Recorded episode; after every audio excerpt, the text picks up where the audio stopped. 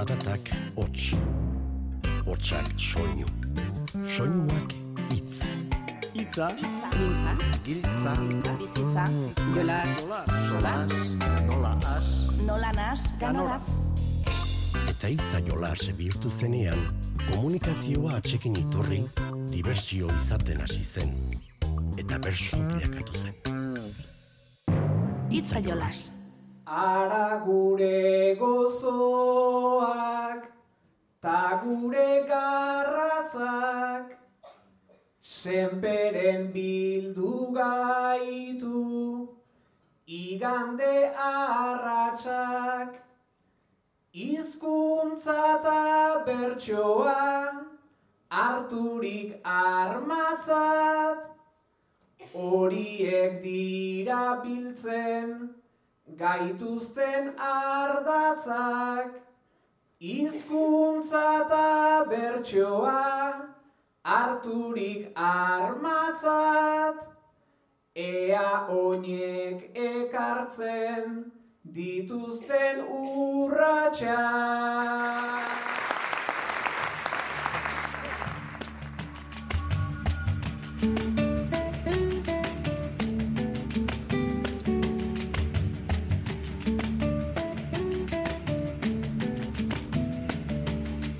Kaixo entzule, bainat gaztelu mendi genuen, xenperen martxoaren bostean, herri urratzen berrogei garren ekitaldia dela eta antolatu zuten bertso saioan botatako lehen agurrean. Aurten esan behar da, maiatzaren amalaugarrenen ospatuko dela urratsak zubi goiburupean. Ba gaur, larreko gelako saioko bertsoaldi batzuk ekarriko ditugu. Baina ez horiek bakarrik, elorrion, unra gobernuzkanpoko erakundeak antolatutako bertso saioa izan zen, emakume palestinarren errealitateari erreparatu zioten, irurogeita mosgarren urte hurrenean. Honintzen beita nere ibartzabal eta iruri altzerreka aritu ziren kantuan, haino aurienek gaiak jarrita. Gure bederatzikoa ere badugu beraz, hasiko algara.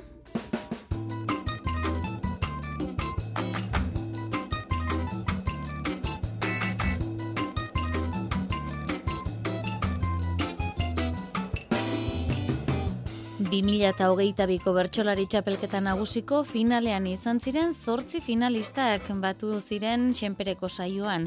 Maialen Lujanbio, Amets Hartzailu, Saitor Mendiluze, Sustraiko Lina, Alaia Martin, Beinat Gaztelu Mendi, Nere Ibartzabal eta Joanes Ilarregi. Gaiak emateaz berriz, Xalbat altzu garai arduratu zen. Azken asteotan, goia sariak direla eta, Oskarrak direla eta, irati filmaren aurkezpena dela eta, zinemari begira aritu gara. Eta zinean bezala, zineko galetan aktorek jantzten dutenari asko erreparatzen zaio. Imaginatzen ote dituzue, maialen lujanbio eta ametxartzailuz, horrelako gala batean. Zer jantziko ote lukete? Maialen eta amets, joan den txapelketa nagusiko finaleko buruz burukoan dokumental biografikoa egiteko agindua aukantzin duten. Geroztik dokumentalak arrakasta handia aukan duenez, amets goia sariendako izendatua izan zira. Gaur Madrileko dendetan zira eta zeremoniara joaiteko jauntzia hautatzeko maialeni aholku eskari zira. Oroitzen aiz orduko escena gogorrez, ene itxura aldatu nuen derrigorrez, baina gaur hemen ni naiz ni zu izan ordez. Dudan nago peluka eraman edo ez, dudan nago peluka eraman edo ez.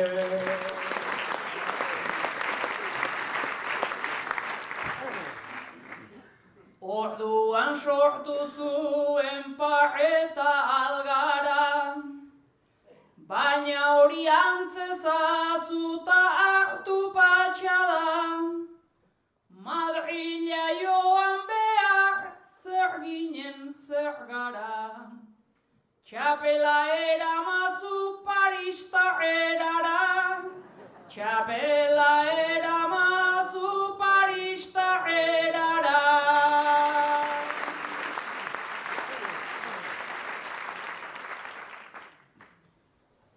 Baina gaur ez paikara Parisen ibilki, Madril erdian nabilta ez hain abilki, Hor andaluz mantxego madrildar haundiki, Duda naiz ezpitxean egea atxiki, Duda naiz ezpitxean egea atxiki.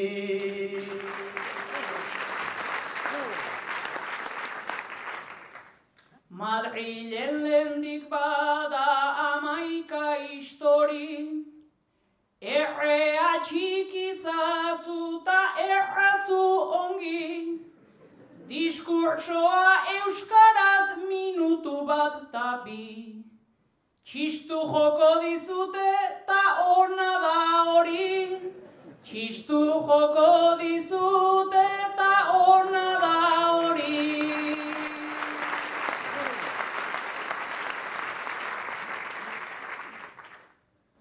bidaliko naute agian kanpora, Oiuka hasiz gero gure herria gora, Irurogei hartatik joan da denbora, Txistuak txalo bihurtzen zaila izango da, Txistuak txalo bihurtzen zaila izango da.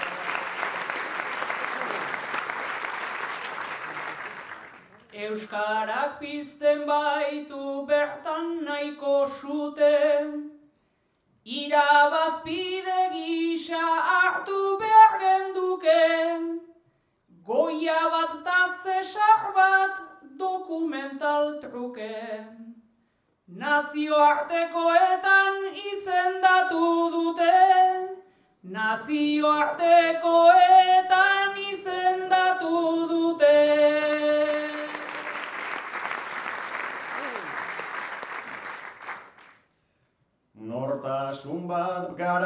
garatzen haze barne gerrak, Nizan nahian urratu ditut ertz bazterrak, Gaur saritu ezkero zemin ze plazerrak, Noizbait zerbait lortuko da zuri eskerrak, Noizbait zerbait lortuko da zuri eskerrak.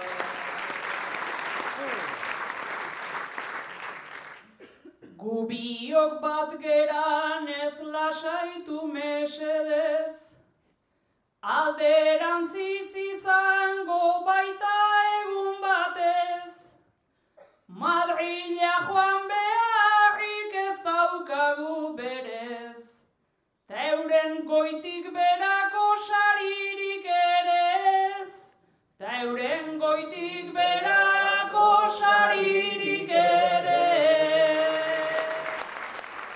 Senperen larreko gelan jarraituko dugu herri urratsek aurten berrogei urte beteko ditu maiatzaren amalauan esan bezala eta lan asko izango da egiteko tartean pegatinak saltzean nola ez aitor mendiluze eta nere eibartzabali egokitu zaie zeren inori. Ikastolako bi aur zirezte nerea eta aitor. Gaur egi urratzen karietara zuen egin behar nagusia aintziran barna pegatinak saltzea da. Aintzira sarreran zirezte norberak bere salmenta estrategia diseinatzen.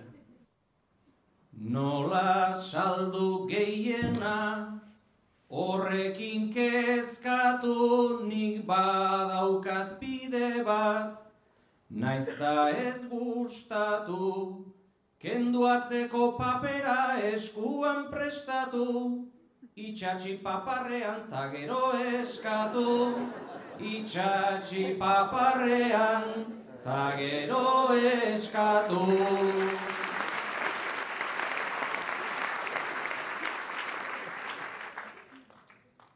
Gu beti izan gara ekonomilari pegatinak hartuta, gabiltza hain argi ez dizkigunez eman, notaz hainbat sari, itxatxi fizikako irakasleari, itxatxi fizikako irakasleari.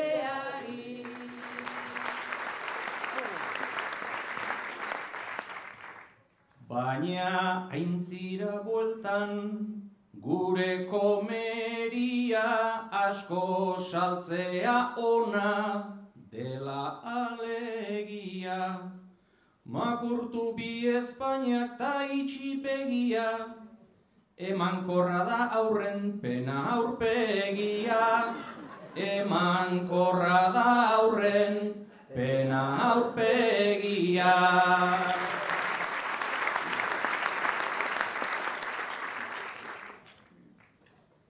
Horrela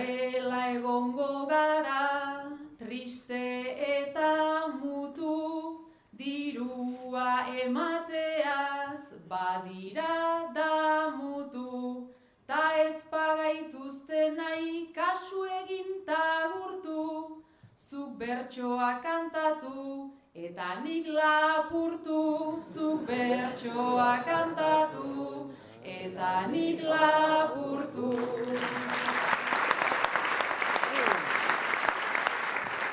Arritu nau pixka bat negozio erak horrela murriztuko ditugu aukerak baina ziur erosten digutela berak bilatu amonata osabai zebak. Bilatu amonata osabai zebak.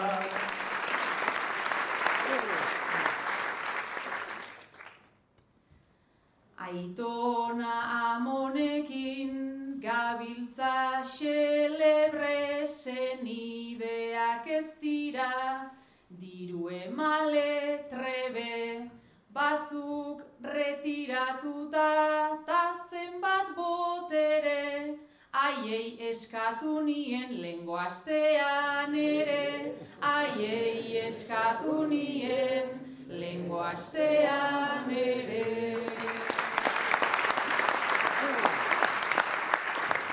Bai baina gaur saltzeko agindu digute azken estrategia probatuko nuke lengo erara egin beharko genuke.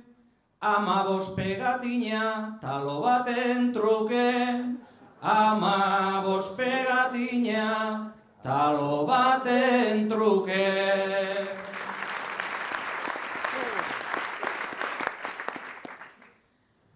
Hainbeste euskaltzale aintzirara sartu gehiago ordaintzera. Guk nola behartu gaurko zezote dugu aski parte hartu. Nik bat itxatxi dizut ta etzara ohartu. Nik bat itxatxi dizut ta etzara ohartu Herri urratsen aldea amaika aldarrikapen egin behar izan dira, baina Ipar Euskal Herrian egunotan ere bada zenbait protesta. Joan Asilarregik eta Beñat Gaztelumendik, adinez berdina izan arren, pankarta beraren aurrean egin dute topo.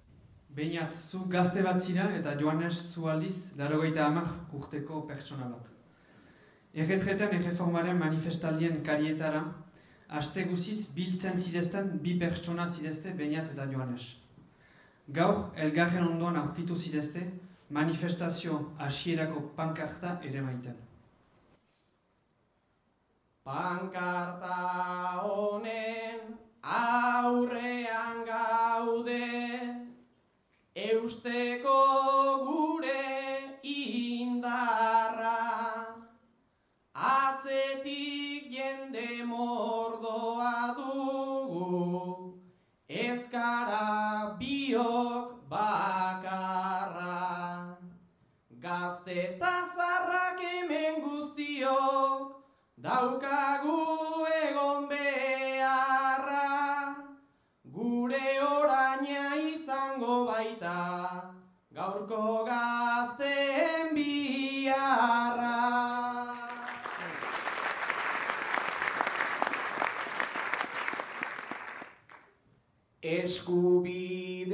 Eskubideak defendatzera irtenak iraganean,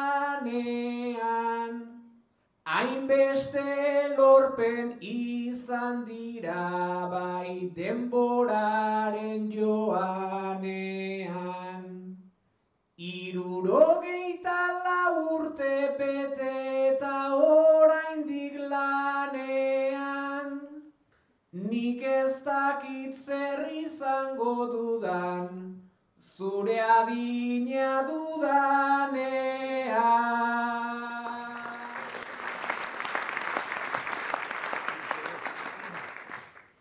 Nere adina iritsiko da, baina orain goz behintzat utzi. Orain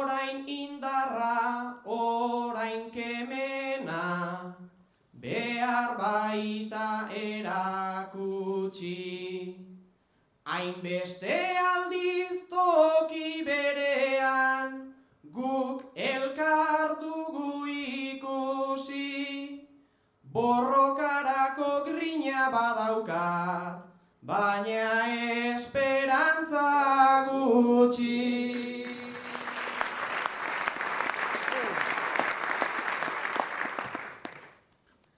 Laro gehi urte bete dituzu talere joanes hemen. Zure bastoita, zure txapela, zure pankartatak hemen. Esperantzaren printza txiki bat, izango duzu bederen. Zeren bat ere ez pazen euka, etxean egongo zinen.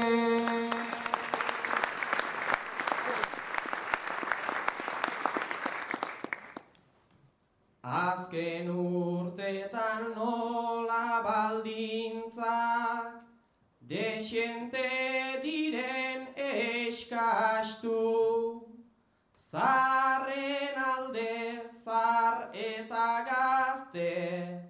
denok garenez nastu. Gaztea zara begiratzen dut, eta aibeinat barkatu. Zuek arazo asko duzue, zuen borrokak ezaztu.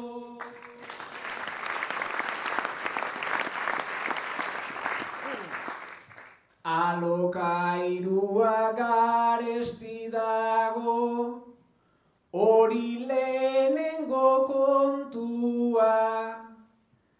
Langabezia ere gorantza patrika daukat lotua.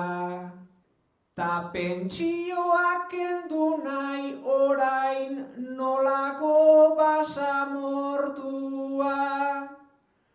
Kolpe batean kendu nahi dute bizi osoan lortua.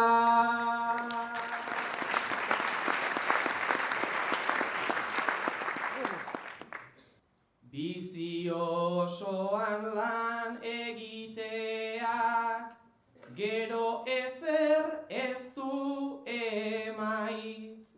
Beraz aurretik egin behar da, dagonari eutxi garaiz. Alokairua langabezia, aipatu izan dira maiz. Zuen manifak noiz diren esan, eta gustora joango naiz.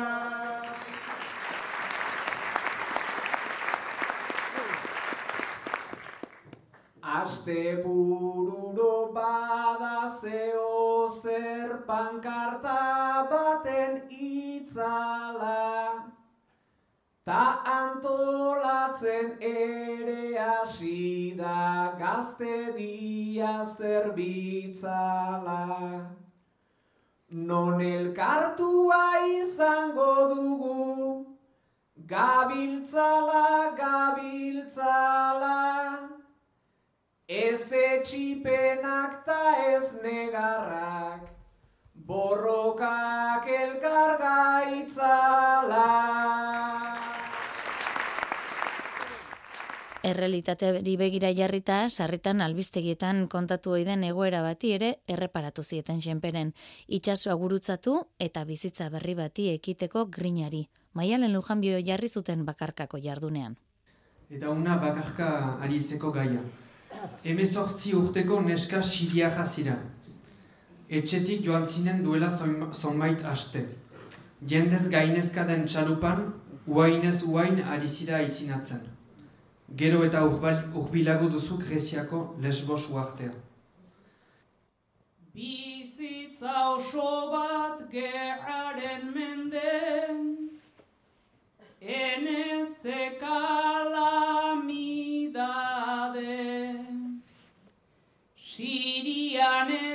Kurdua izan, lurrean besteak jabe.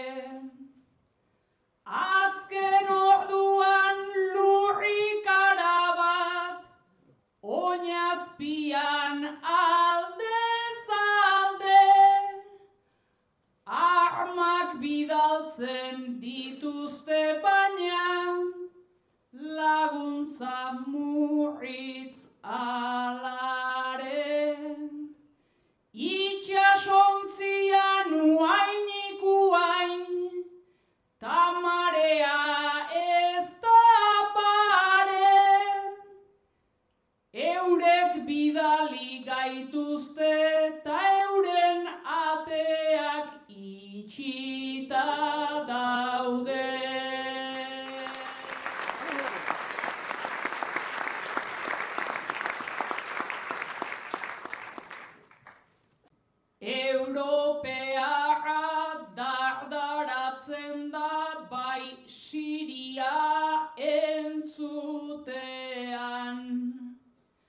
Kurduok zenbait laguntza dugu, elkarteen arkupean. Baina bakea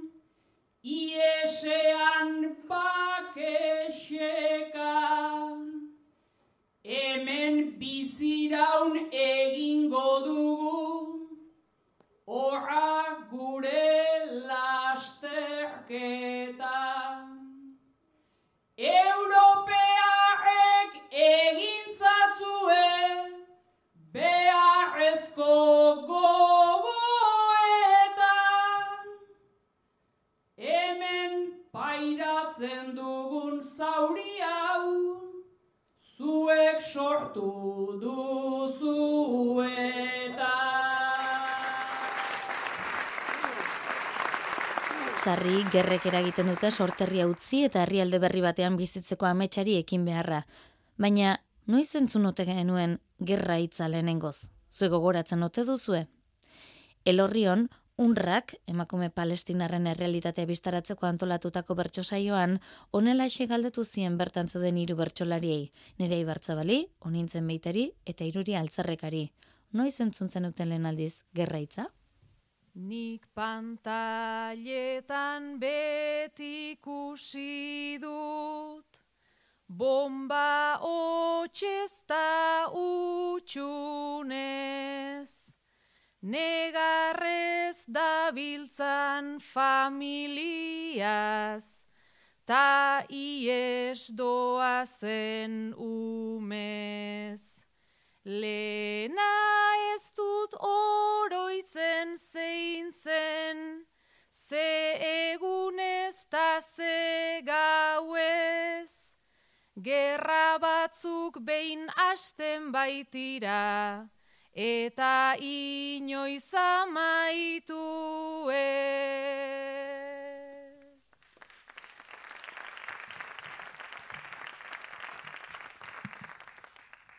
Gure atxitek esaten eban, gerra galdu gendu ala, idea horri segika eldu naz, ta gogortu jatazala.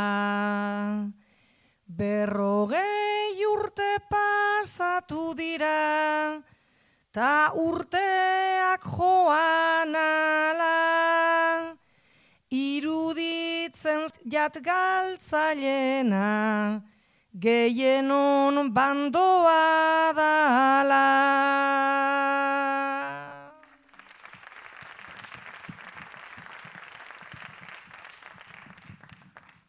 Gerra hitzak badu bere baitan berez hainbeste botere. Talen aldiz noiz entzun nuen, gogoratzea orain xede.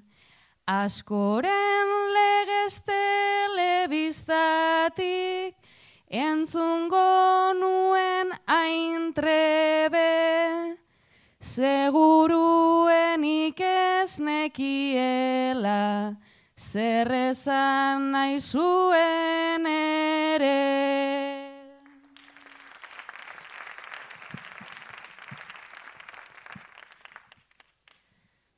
Gizon zuriek mikrofonotik eiten dutenean zaunka, diru armata tanke guztiak, pertsonen aurka iraulka. Orain ere armak bidaltzen gabiz, eta nor dabil hor aurka kontra egiten behar gendunean, aldeko gehiegi dauzka.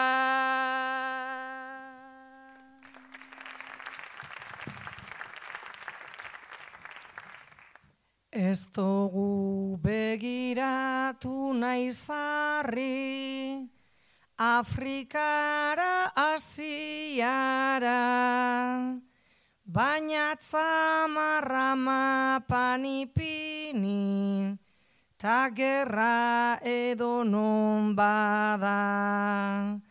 Baina Europa zurian dana, zurik eria da jada, mingeiago eiten deusku baina, gerrarik errezena da.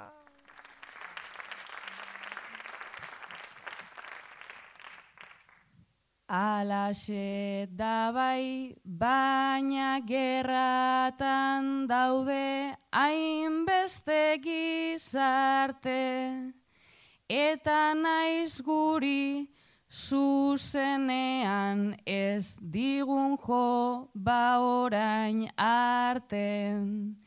Eta agian sentitzen dugun pixka, pixkat gugandik aparte, gerra hitz bat da hitz bat bakarrik, azalean bizi arte.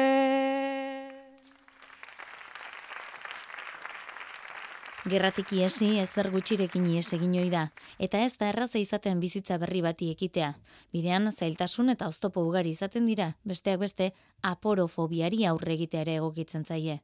Onintza eta iruriri alaxe esan zieten. Bueno, emakume palestinar refusiatuen kasuan ez ezik, migrante gehienen kasuan ematen den kontu bada aporofobiarena. Aporofobia edo pobreari izaten zaion beldurra, mespretsua, konfiantza falta. Aporofobiaren kasuriko ikoena da pentsatzea edo zabaltzea, alabearrez migratzen dutenek, normalean e, ekonomikoki pobreak izaten direnak, laguntza sozial guztiak bereganatzen dituztela, haietaz abusatzen dutela, laguntza guzti horiek beraientzat bakarrik direla. Bueno, zuek biok izango zarete administrazio publikoko langileak eta diru laguntzen kudeaketaz arduratzen zarete. Gaur ere etorri da, herritar bera, berriro ere aserre bizian, esanez, berari ukatu egiten diotela eta kanpotik datozen guztiei dena ematen zaiela. Astean bitan etorri oida, ta tortolaraino nago, esaten deuskuz hainbat birao, ta hainbat berba arraro, dana beste emoten jake, seguru dakizearo, badaguk kendu egiten dugu, emon baino askoz gehiago.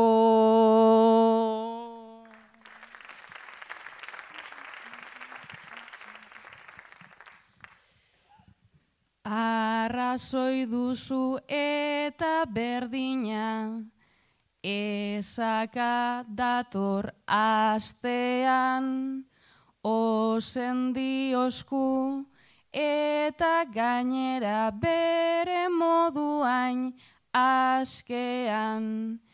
Ez du ikusten beste aldean, ez da jartzen desastrean, dena ematen diegula dio, guztiak endu ostean.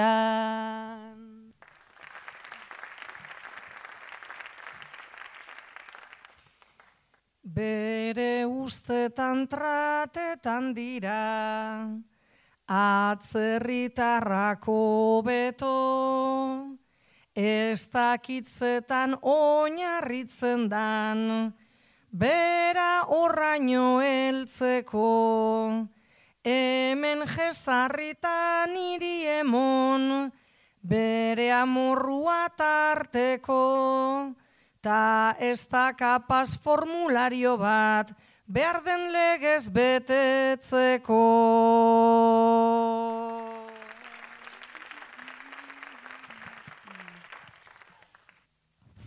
Formularioa betetze hortan jarriz hain modu xumean. Ez du pentsatzen migratzailean gaztean emakumean. Baina ipini beharko geunke egoera erdigunean, zein erreza den kritikatzea, guk bizi ez dugunean.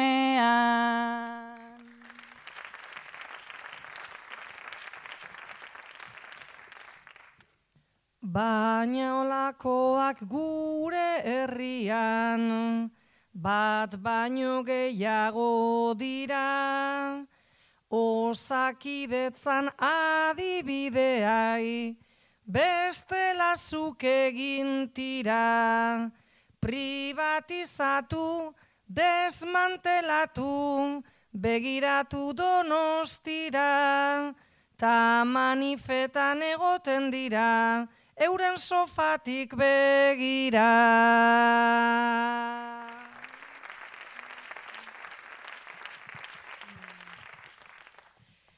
Arrazoi duzu sofa aldetik haiek hainbeste etekin.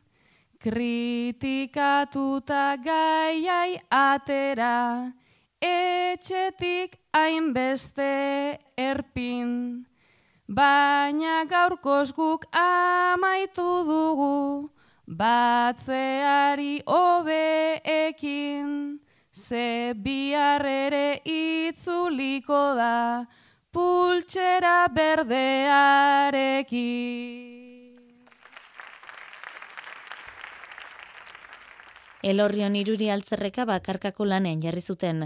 Dantzaren bidez, bere herriko historiari mugimendua eman nahi dion palestinar baten bideo ikusi ostean, berari, bertsolaritzak zertarako bidea ematen dion kantatzeko eskatu zioten. Gu orain hitzekin ari gara eta zuek bertsolariok, ba, nolabait esatearen berbekin egiten duzue dantza. Eta iruri galdetu nahi dizuke ea zuri bertsoak balio dizun zure historia kontatzeko. Zure historia kontatzeko balio dizu bertsoak eta zureaz gain noren historia kontatu gurako zeunke.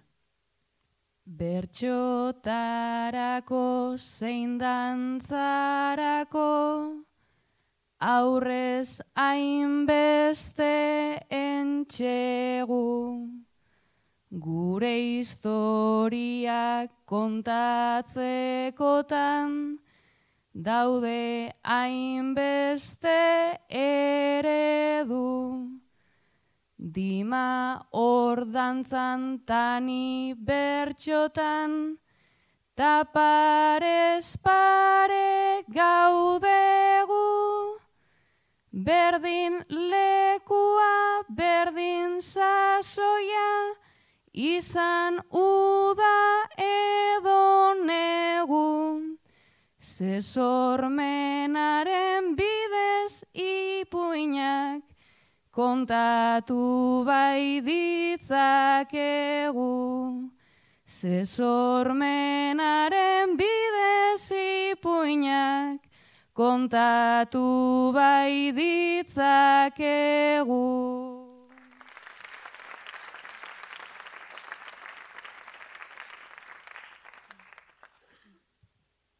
Moduak berez izan daitezke, ederrak eta anitzak, dantzaren bidez mugimenduak, eta eskuaren printzak, oiesek dira, gu urbiltzeko eta ulertzeko giltzak.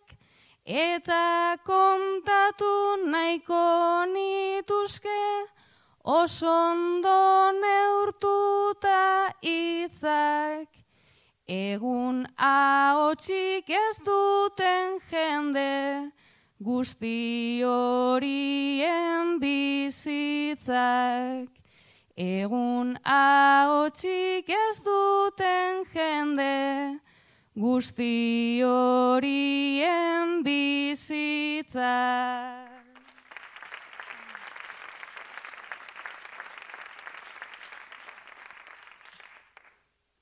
Bideoekin unkitu eta mugitu egin zaitezke. Euskal Herria eta Palestina horrein urbil zein erbeste. Baina lotura estua ere sortu leike estez este Eta aztekotan orain aitortza, sume bat eiteko eske, sormenan bidez herri herriak ere, urbildu egin daitezke. Sormenan bidez herriak ere, urbildu egin daitezke. Herrialde zapaldu guztien artean antzekotasunak izan arren badira berezitasunak ere, baina zapalduen profila nolako haute da. Bueno, askotan aipatu izan da zapalkuntzak normalean ez direla modu isolatuan ematen. Zapalkuntza bat jasaten duenak errazago jasan beharko du besteren bat ere. Emakume palestinarren kasuan eta beraiek eurek diotenez, zapalkuntza bikoitza pairatzen dute, batetik emakume izateagatik eta bestetik palestinarrak izateagatik. Zapalkuntza gainera, irukoitza izaterainokoa ere izan daiteke, emakume palestinar errefusiatuen kasuan. Bueno, iru triangelu horri helduta, zu iruri emakumea izango zara. Zu nerea palestinarra, eta zu honintza errefusiatua. Gorputz berean habitatzen duzuen hiru ezaugarri. Bai? Gorputz berean zaudeten hiru ezaugarri. Nola bizi du bakoitzak beretik bizi duen zapalkuntza hori. Hiruri emakumea, nerea palestinarra eta honintza errefuxiatua. Palestinar sortu nintzen, Palestinar sortu nintzen ta ikasi dut bizitzen. Espazioa doala txikitzen eta txikitzen. Txikitzen eta txikitzen palestinar jaio nintzen. Ametxetan herri librez, Ametxetan herri librez ta gureak diren bidez. Etxeko giltzak baditut, baina jada etxerik ez. Baina jada etxerik ez, ametxetan herri librez. Tainire gorputzumea, Tainire gorputzumea, hori da erdigunea, bekokian markatuta, dara mate makumea, dara makumea, ainire gorputzumea. Kolono pila kalean, Kolono pila kalean, gorrotozko seinalean. Gerra zar baten aztarnak, aurberrien azalean. Aurberrien azalean, kolono pila kalean. Guztia da urruneko, Guztia da urruneko, gure baldintza tarteko, neure lurbalt gura nuke, askatu alizateko, askatu alizateko, guztia da urruneko. Arazoak dituzue, Arazoak dituzue, baina galdera aizue, serio ezartzearena, aizelan dara mazue, aizelan dara mazue, galderatxo bat aizue. Seriotasunaren zena, Seriotasunaren zena, zapalkuntzaren ordena, mina ematen duena, baina askatzen nauena, mina askatzen nauena, zapalkuntzaren ordena. Zarri ulertu ezina, Sarri ulertu ezina, zer zara zu Palestina, enaiz inoiz bertan egon, ta zuzara nire mina, ta zuzara nire mina, zarri ulertzeko ezina. Bakoitzak du bere mina, bakoitza du bere mina, biru alde eta ezina, bere izten gaituzte baina, badaukagu eragina, badaukagu eragina, bakoitzak du bere mina.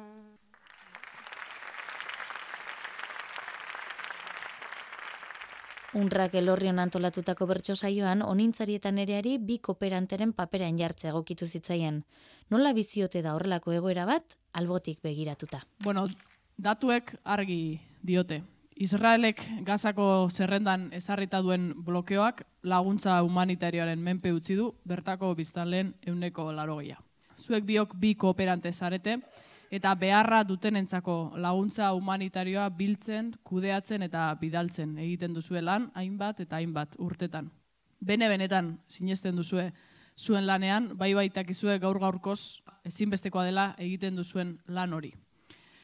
Lanean ari zaretela, baina nerea, onintza etorri zaizu, esanez zalantza batzuk sortu zaizkiola lan honen gora beran. Ea ondo egiten ari zareten, ea noiz arte jarraitu behar duzuen horrela. Urterik urte gure apurra, hemen jartzen ari gara.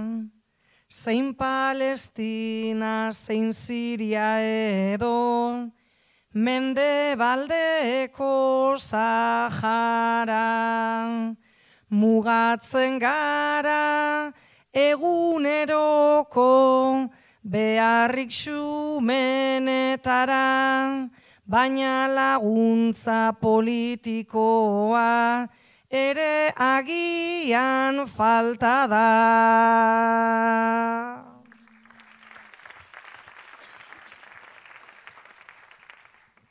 Urte askoan laguntzaile eta kooperanten babesean. Kontra esanak agertzen dira galdera hauek aletzean. Baina onintzazuk badakizu gotortuz gero etxean, hau ez duela inork egingo taldeok egin ezean.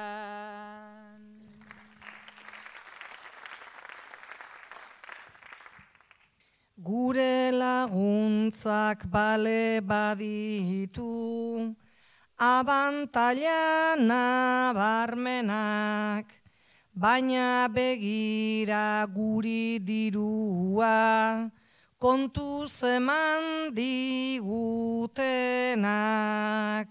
Ustez konpondu gura dituzte, zapalduaren problemak, ta gero atzetik Israelentzat, egiten dituzte trenak.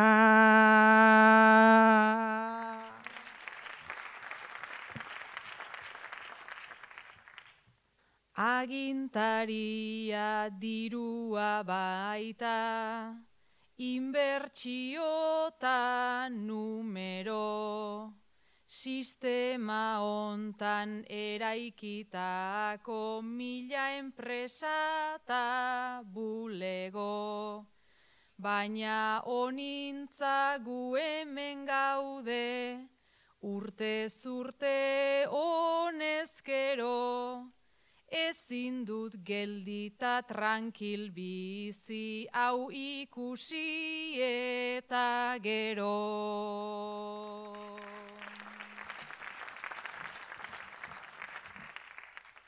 Guretzat hau da eskandalu bat, bertakoentzat oikoa, etortzen gara, joaten gara, hau beti da betikoa, igual ulertu behar genuke, hain arrazoi logikoa, beharrezkoak izan gaitezke, baina ezkara nahikoa.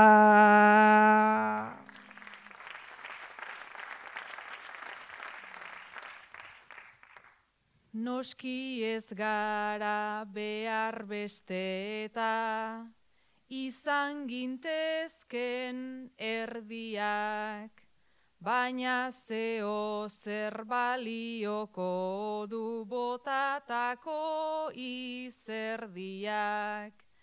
Ta presiona ditzagun orko, prentxata albistegiak, itxu bizi nahi duten horiek zabalditzaten begia.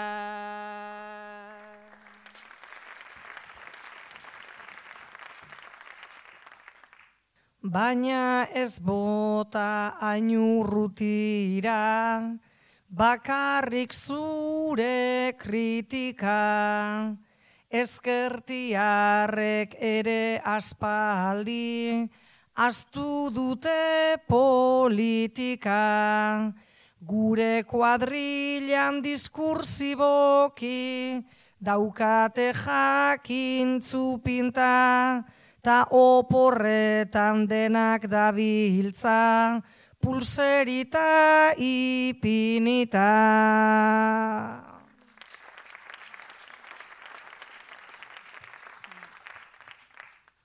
Ezkertiarrak ere pulseren bandora dira igaro.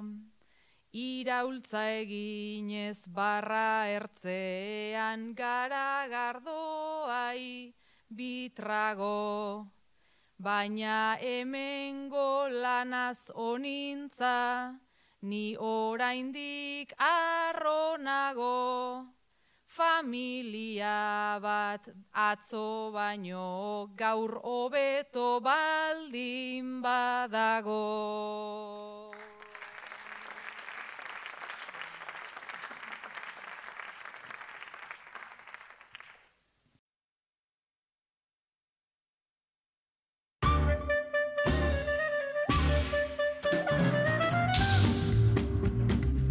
Eka intolare txipiik harri agirresaro beri bidalizion azkenekoan gure bederatzikoaren soka. Jaso dugu honen erantzuna. Ze helburu dituzu zuk bertso munduan Hoi pentsatzen aritu nitzan lehenguan Ideia hundigigan ez dagat buruan Jarraitu nahiko nukenik lagun giruan, ez konpromezuan, ez da apuruan, inork botatzian, tanik erantzunan, nola dandanak bere neurri jaduan, nola dandanak bere neurri jaduan. Tanik nire puntua zuitago unai aspirozi edo aspiraztiai, bialduko jot. Txikitatik berso zalia izan dana eta oan dela urte batzuk eh, bersotan gogorrazia. Eta hause da puntua. Ez autu nahi aluke, noiz bat txirrita. Urrengoan jasoko dugu, zubietako unai azpiro zen bederatzikoa.